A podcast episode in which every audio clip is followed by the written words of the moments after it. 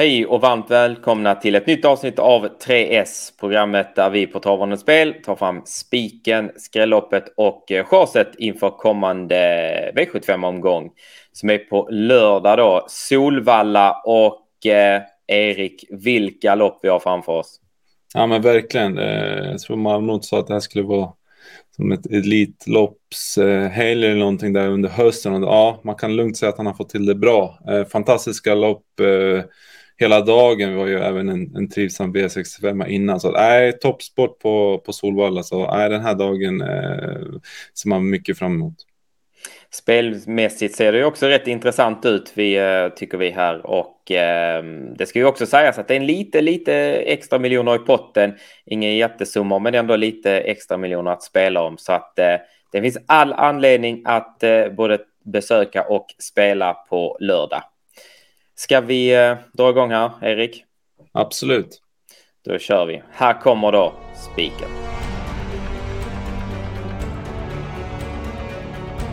Ja du, de säger att man inte ska vila allt för länge på hanen. Eh, var hittar vi spiken här? Mm, nej, det gör vi inte. Vi kommer spika i V751 UET-finalen. kommer gå rakt ut på nummer ett, Vivid Wise A, som eh, spårade runt om senast i VM-loppet. Eh, insatsen var väldigt, han fick press i omgången men gick undan på väldigt lätta ben. Ja, han har ju spår ett här, han är väldigt startsam så vi läser spets och, och därifrån så är han hästen att slå för övriga. Vi tycker även procenten är klart godtagbar och Ja, det är en väldigt bra spik i, i omgången tycker vi.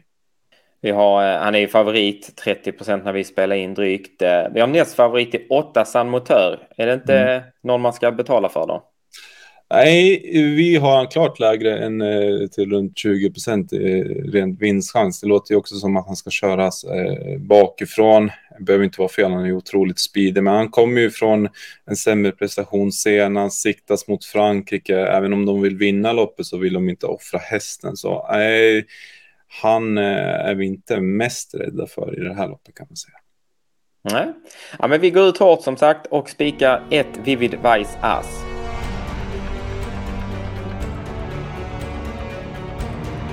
Skrälloppet. Det eh, finns ju eh, flera fina lopp med många bra hästar i loppen, men ett lopp sticker ut lite extra i eh, skrällpotential. Vilket, Erik? Ja, men vi tycker att V754 Oaks-finalen är, är, är skrällvänlig. Det är ju som sagt treåriga ston och mycket kan hända med utveckling på flera. Många kommer från starka försök och är vi vi, eh, vi köper att Gainer kanske startar med högst segerchans, men hon har ju stuckit iväg nu närmar sig 30 och nej, eh, och det finns många lågprocentare som vi betalar för här. Ska vi nämna någon som vi tycker det finns bra värde i? Mm, och det är nummer åtta, Adriatica, som hade lite hovproblem här under sommaren, men eh, gick ett eh, väldigt starkt försök och avslutade bra som tvåa då. Eh, med ett lopp i kroppen nu så, så bör hon vara klart bättre nu och hästmässigt kanske hon är eh, den mest kapabla här. Och hon har ju ett lite tråkigt utgångsläge, men här vi ser här på bilderna näst senast alltså hon öppnar väldigt snabbt då, så att hon kan röra på sig från start. Hon bör hamna bra på det. Och med ett lopp i kroppen, Magnus har ljuset i sulken, så, så kan det mycket väl räcka hela vägen. Vi lyfter fram alltså häst nummer 8, Adriatica i V754, men det är som sagt skrälloppet och vi kommer måla på.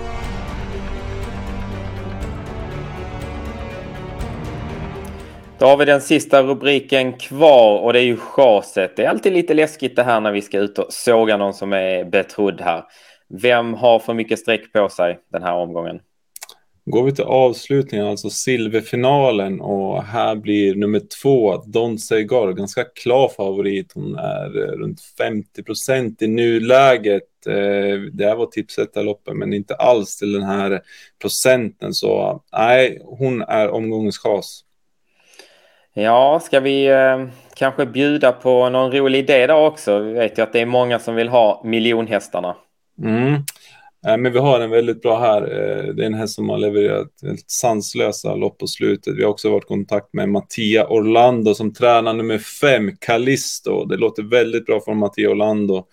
Eh, och vi ser här på bilderna att eh, gick, gick i mål med gott om krafter kvar senast. Läget är bra, han kan öppna, men framförallt så kommer det bli en liten startrusning i det här loppet. Både Melby Åker, Ture Ello, Don Segar. Ja, det finns flera som kan öppna och han är otroligt stark, Callisto. Så att eh, framförallt så är det också Carl-Johan Jeppsson återigen i sulken. Så att eh, Callisto till 2-3 procent känns hyperintressant. Den tar man gärna när man sitter kvar med sex rätt. Ja, men verkligen. Eh, känns eh, väl bortglömd. Eh, men eh, det är en riktig häst för, för, för det här loppet. Härligt. Då är det bara summeringen kvar här då. Vi går som sagt ut hårt och spikar ett Vivid Vice As i V751. Skrälloppet, det hittar vi i V75 4 där vi gärna vill slå ett slag för åtta Adriatica som är lite bortglömda eh, av de tidiga spelarna. Och så har vi chaset, det är den avslutande avdelningen där två Don Cigar är rätt favorit men alldeles för hårt betrodd. Istället vill vi slå ett slag och varna för fem Callisto.